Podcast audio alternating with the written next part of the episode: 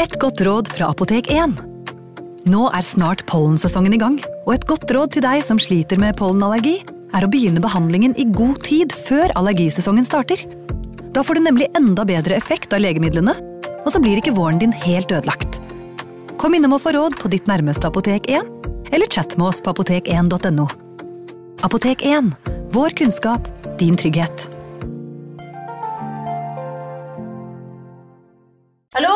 Jeg kommer fra Oslo politikammer. Ine Jansen er purk. Er du purk? The motherfucking bitch. Alt jeg vil, er å finne ut hva som skjedde med mannen min. Jon Carew. Er jeg sikta for noe? Iben Akeli. Det er du.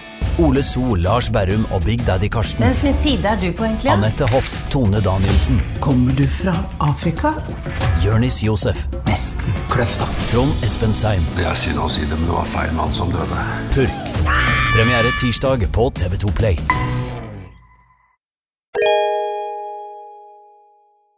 Hei! Takk for at du lytter til True Crime Podden dokumentar. Skulle du ønske at du kunne høre en ny episode av denne podkasten hver eneste uke? Vel, da er det bare å laste ned podkastappen Untold med en gang. I tillegg til ukentlige episoder av podkaster som Skrekkpodden, Synderne og True Crime Podden, får du masse annet reklamefritt og eksklusivt innhold. Last ned Untold i AppStore eller Google Play, og start din 30 dagers prøveperiode i dag. you.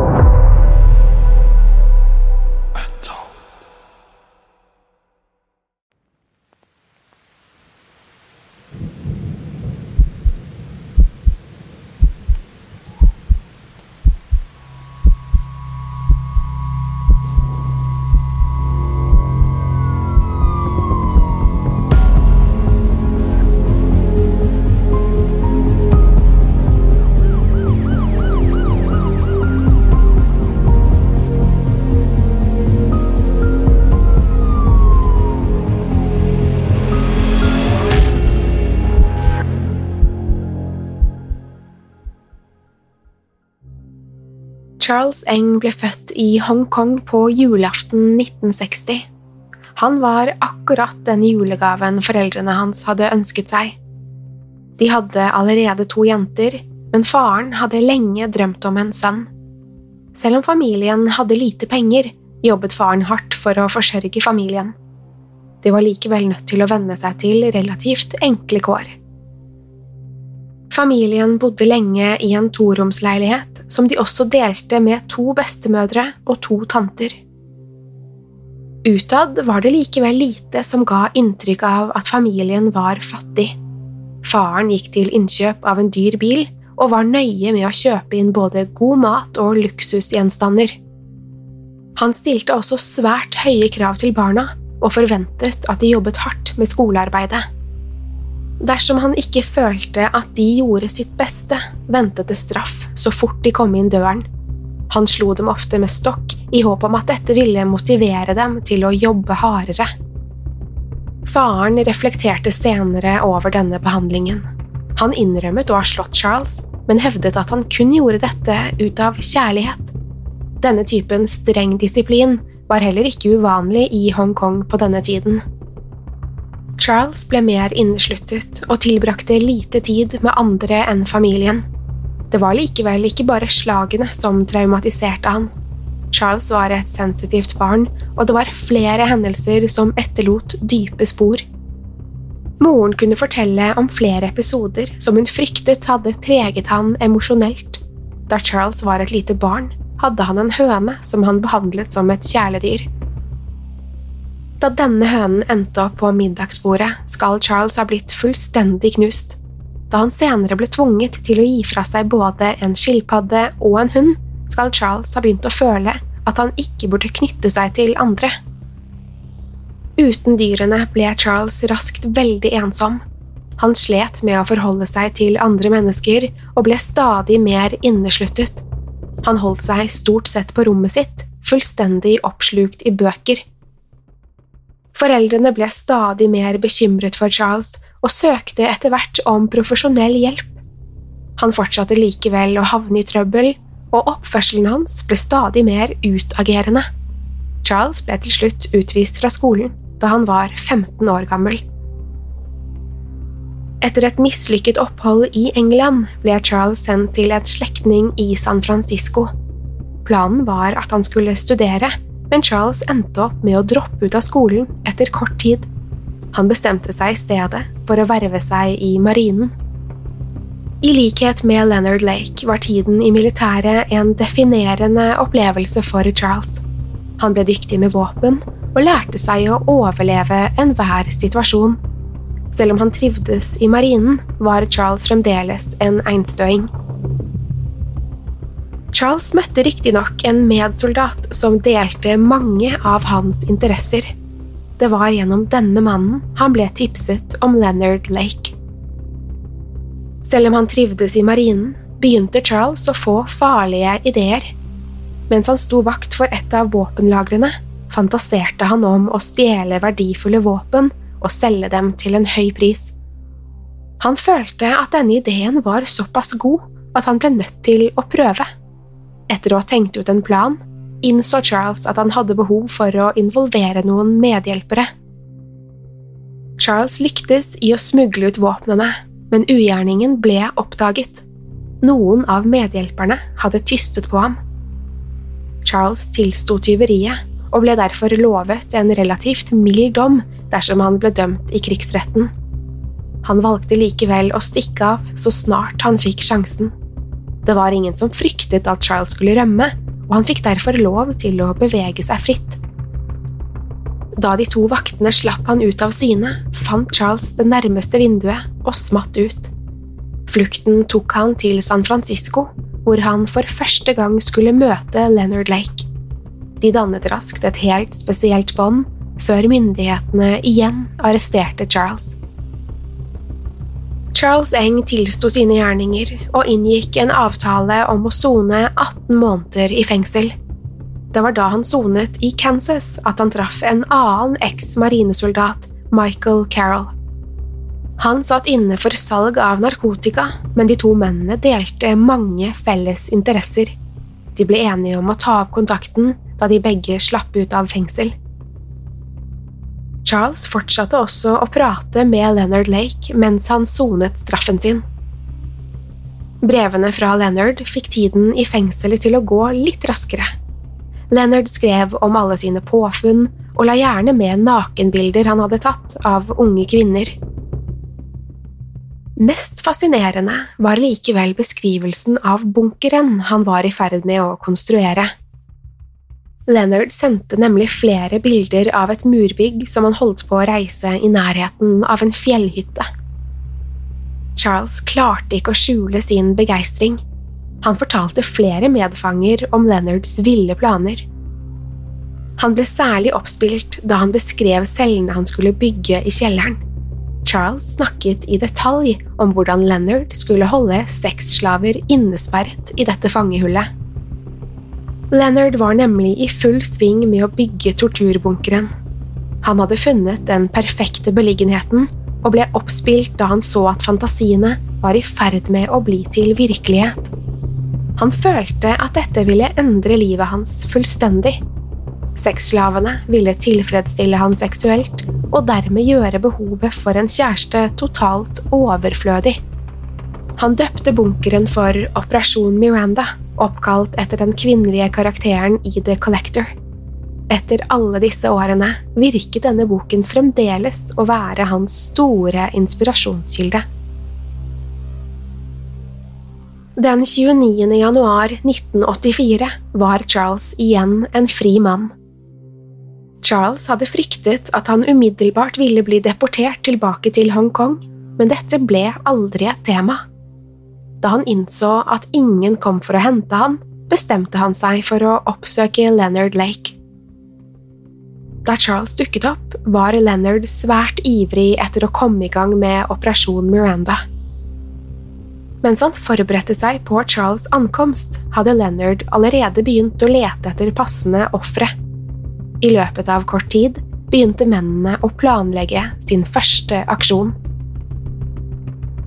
Familien Dubbs, bestående av Deborah, Harvey og deres ett år gamle sønn Sean, forsvant fra San Francisco i juli 1984.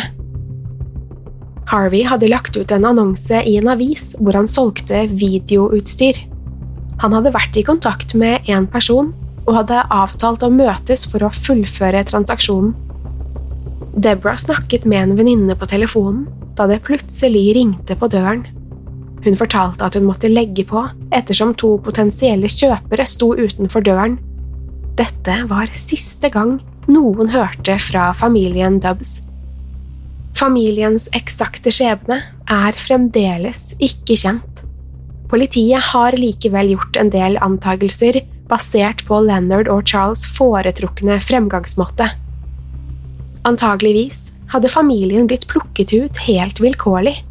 Det var etter alt å dømme Deborah som var målet deres, men de valgte likevel å ta seg av hele familien. Harvey og Sean ble sannsynligvis drept kort tid etter at de ble kidnappet. Det er likevel trolig at de alle møtte grusomme skjebner.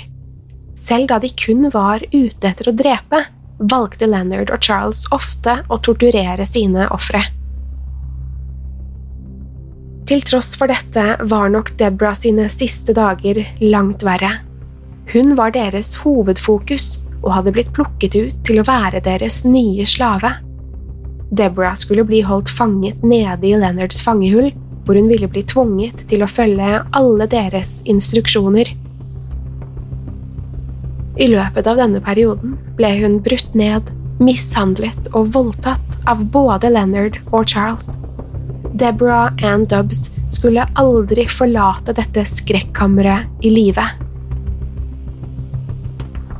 Leonard Lake og Charles Eng var nå i full gang med sin drapsrekke. De kunne ikke vente med å finne sine neste mål. Det var Charles Eng som foreslo Michael Carroll og Kathleen Allen som potensielle ofre. Charles og Michael hadde møttes i fengsel, men det er uvisst hvorfor Charles bestemte seg for å drepe Michael. I løpet av noen dager i april 1985 var Michael død, og Kathleen innesperret i Leonard Lakes fangehull. Mennene hadde lovet Kathleen at hun skulle få leve så lenge hun fulgte deres ordre. De tvang henne til å utføre ydmykende oppgaver mens hun ble utsatt for ustanselige overgrep. Flere av disse episodene ble dokumentert på film av Leonard Lake. I den tredje og siste videoen poserer Kathleen for Leonard mens han knipser bilder av henne. Han gir henne konstant instrukser om hva han ønsker at hun skal gjøre. Det var på dette tidspunktet Leonard valgte å konfrontere henne om bankingen mot celledøren. Det blir tydelig at Leonard ser på dette som et tillitsbrudd. Kathleen forsøker å spille med og svarer på alt Leonard spør om. Hun fremstår på overflaten rolig, men bak den tykke sminken er det en åpenbar tristhet i ansiktet hennes. Til tross for Leonards løfte skulle hun føye seg inn i rekken av mennenes ofre. Flere av detaljene rundt Leonard Lake og Charles Engs drap er vage. Disse videoene gir likevel et innblikk i hvordan de behandlet sine ofre. Samtidig er det vanskelig å forestille seg alt disse kvinnene ble utsatt for nede i fangehullet. Leonard var tilsynelatende klar over hvordan han kom til å bli oppfattet dersom han noen gang ble avslørt. I motsetning til mange andre seriemordere så han ikke på sine gjerninger med stolthet. Han hadde heller ikke noe ønske om at hans perverse lyster skulle bli kjent offentlig. Derfor er det trolig at han valgte å ikke dokumentere de aller mest ekstreme handlingene. Ingen vet akkurat hvor mange liv de to har på samvittigheten. Det antas at de begynte å drepe sammen kort tid etter at Charles slapp ut av fengselet i juli 1984. På dette tidspunktet hadde Leonard allerede tatt livet av både Charles Gunner og Donald Lake. Selv om mennene kun fikk holde på i snaut et år, rakk de å ta livet av minst et titall mennesker. Dette inkluderte både menn, kvinner og barn. Noen ble tatt som sexslaver, andre ble drept av praktiske hensyn. Leonard kunne like godt drepe for å skaffe seg en ny identitet som ville gjøre livet litt enklere. Til tross for mennenes brutale fremgangsmåte var det ikke drapene som skulle avsløre dem. Nok en gang skulle Charles Engs kleptomani få han i trøbbel. Charles ble nemlig tatt på fersken da han forsøkte å stjele fra en byggvarehandel. Han flyktet fra åstedet men lot bilen bli stående på parkeringsplassen. Da politiet ankom, oppdaget de et ulovlig våpen i bagasjerommet. Leonard forsøkte å forklare at det hele var en misforståelse, men han endte opp med å bli arrestert som følge av våpenfunnet. Politiets mistanke vokste da Leonard viste frem førerkortet sitt. Han lignet nemlig overhodet ikke på personen på bildet. Da de sjekket opp denne informasjonen, oppdaget de at førerkortet tilhørte en mann som hadde vært savnet i flere uker. Snart oppdaget de også at bilen var registrert på navnet til nok en savnet mann. Det ble åpenbart at mannen de hadde arrestert, ikke var den han utga seg for å være. Leonard ble brakt inn til varetekt og innså med dette at han hadde blitt avslørt. Det var bare et spørsmål om tid før de ville besøke gården, oppdage bunkeren og innse hva som hadde foregått. Hans forsøk på å holde en lav profil hadde mislyktes fullstendig. I det påfølgende avhøret oppga han sitt fulle navn og innrømmet at han hadde løyet. Han fortalte også at den andre personen de var på jakt etter, var Charles Eng. Leonard hadde gjort det veldig tydelig at han ikke hadde noen intensjon om å havne i fengsel. Dersom alle hans gjerninger ble avslørt, visste han at han aldri ville bli en fri mann igjen. Leonard visste innerst inne at han en dag ville bli tatt, og hadde derfor forberedt seg på dette scenarioet. I jakken sin hadde han nemlig gjemt en cyanidpille som tilbød en rask utvei. Leonard ba om penn og papir for å skrive ned tilståelsen sin, og etterforskerne forlot rommet i et lite øyeblikk. Han brukte denne anledningen til å svelge cyanidpillen. Da etterforskerne returnerte, trodde de først at Leonard hadde fått et anfall eller kanskje et hjerteinfarkt. Han ble hastet til sykehuset, men livet hans var ikke til å redde. Etter noen dager på respirator ble Leonard Lake erklært død den 6. juni 1985. Leonard var kanskje død, men politiet jaktet fremdeles på den andre gjerningsmannen. De oppsøkte Leonards hjem i håp om å få noen flere svar. Inne i hytten fikk etterforskerne en liten forsmak på hva som ville komme. De fant en seng tilpasset med stropper for å binde mennesker fast. De fant også et videokamera som de kunne koble til Harvey Dobbs. Det begynte å bli åpenbart at Leonard Lake hadde vært involvert i noe grusomt.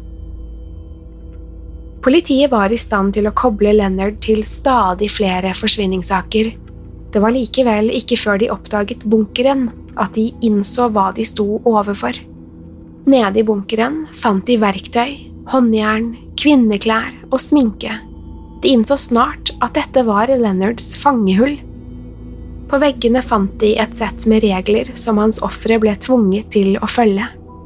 Sammen med disse reglene hang det flere bilder av nakne kvinner.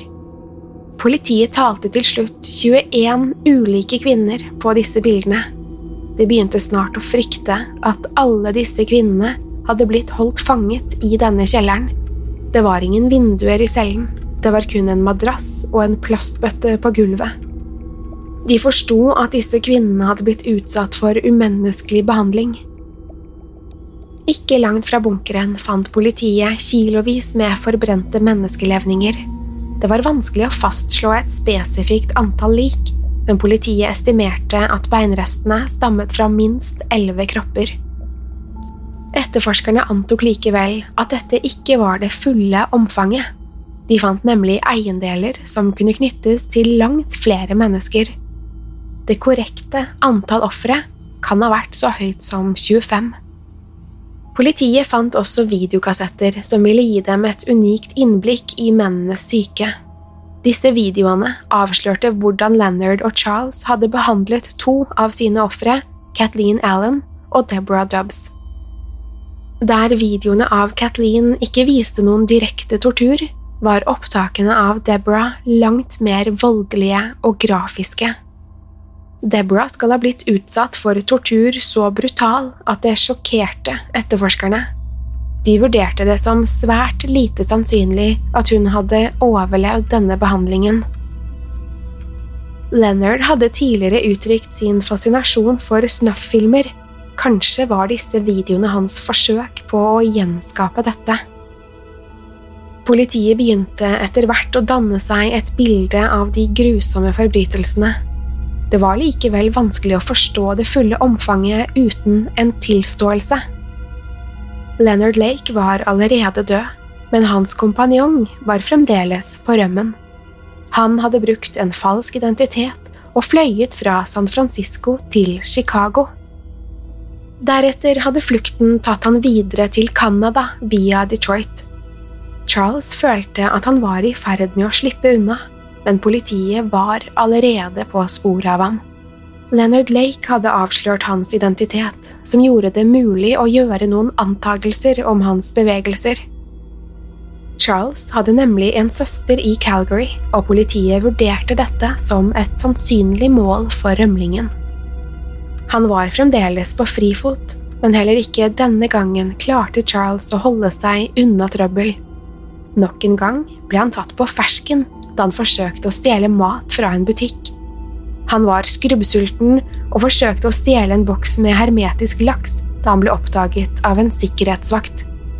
I desperasjon endte han opp med å skyte en av vaktene i hånden før han fortsatte flukten. Charles ble arrestert og dømt for sine forbrytelser i Canada. Dette inkluderte tyveri, angrep og besittelse av et ulovlig våpen. For dette mottok han en dom på fire og et halvt år. Myndighetene i California ønsket at Charles skulle utleveres slik at han kunne tiltales for drapene. Charles forsøkte å stanse denne prosessen da han visste at det antageligvis ventet en dødsdom i California. Han klamret seg til ulike menneskerettsparagrafer i håp om at dette kunne stanse utleveringen. Canada har ikke dødsstraff, og Charles håpet at dette kunne påvirke avgjørelsen. Til tross for en langvarig kamp bar ikke dette noen frukter. Charles Eng ble til slutt transportert til California i september 1991. Her skulle han stå tiltalt for tolv drap. Charles Eng hadde ingen planer om å gjøre dette til en enkel prosess. Han sendte inn utallige klager og gikk til motsak mot staten. Charles jobbet seg gjennom ti ulike advokater i denne perioden og endte opp med å gå til sak mot flere av dem. Til slutt erklærte Charles at han ønsket å representere seg selv i den kommende rettssaken. Gjennom de mange prosessene lykkes han i å utsette saken helt frem til 1999. Charles hevdet at han ikke hadde deltatt i verken torturen eller drapene han var anklaget for. Han hevdet at det var Leonard Lake som hadde planlagt og utført alt sammen på egen hånd. Charles innrømmet at han hadde vært til stede under noen av hendelsene, men at han aldri hadde gjort mer enn å observere. Han virket i det hele tatt å ha skapt et narrativ som han håpet å selge til juryen. Han hevdet at Leonard hadde gitt han ordre, og trakk samtidig frem sin vanskelige oppvekst. Charles fortalte om hvordan faren hadde slått ham, og de vedvarende psykologiske ringvirkningene av disse hendelsene. Det ble antydet at Charles var psykologisk avhengig av andre mennesker, og at Leonard hadde blitt hans ledestjerne. Det ble riktignok stilt spørsmål ved disse påstandene, ettersom flere videoopptak avslørte at Charles hadde deltatt i både tortur og drap. Charles hadde også tatt selvstendige valg da han vervet seg til marinen, og da han flyktet til Canada. Noen psykiatere hevdet likevel at Charles kun forsøkte å speile Leonards oppførsel i et forsøk på å glede han. Charles forsto at han ville bli dømt for de mange drapene, men håpet å slippe unna dødsstraff. Da dommen falt, var det likevel ingen tvil. Charles Eng ble funnet skyldig i elleve drap. Dette inkluderte seks menn, tre kvinner og to små barn. Charles ble med dette dømt til døden. Enn så lenge har han ikke fått noen dato for henrettelsen. Selv om Charles mente at han var uskyldig, er det liten tvil om at han spilte en sentral rolle i kidnappingene, torturen, overgrepene og drapene. Leonard Lake og Charles Eng står igjen som to av de verste seriemorderne i USAs historie. De føyer seg inn i en liten gruppe mordere som dreper sammen. De fleste seriemordere opererer gjerne på egen hånd og har svært spesifikke og personlige preferanser. Leonard og Charles samarbeidet om alle stegene på veien. De var begge drevet av begjær og pervers lyst, men kombinerte dette med en evne til å planlegge sine gjerninger ned til minste detalj. Leonard Lake visste selv hvor forskrudde hans fantasier var. I sine hjemmevideoer innrømmer han at det var uaktuelt å la seg arrestere, fordi dette ville innebære å bli konfrontert med sine handlinger. Mange har foreslått at Leonard Lake og Charles Eng aldri ville ha utført så ondsinnede handlinger på egen hånd. Kanskje endte de opp med å få frem de verste sidene av hverandre. De både inspirerte og utfordret hverandre til å utføre stadig mer grusomme overgrep.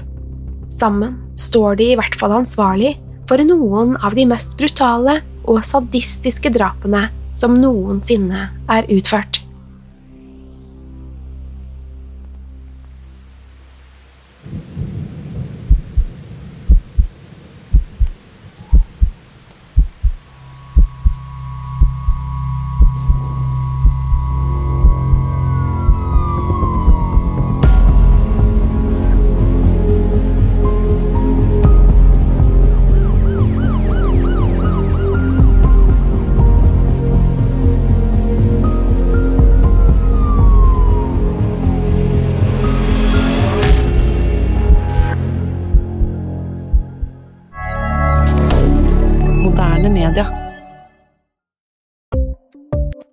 Ukens annonsør er Folio, en smartere banktjeneste for deg som har en egen bedrift eller ønsker å starte for deg selv. Folio er en superenkel nettbank for bedrifter.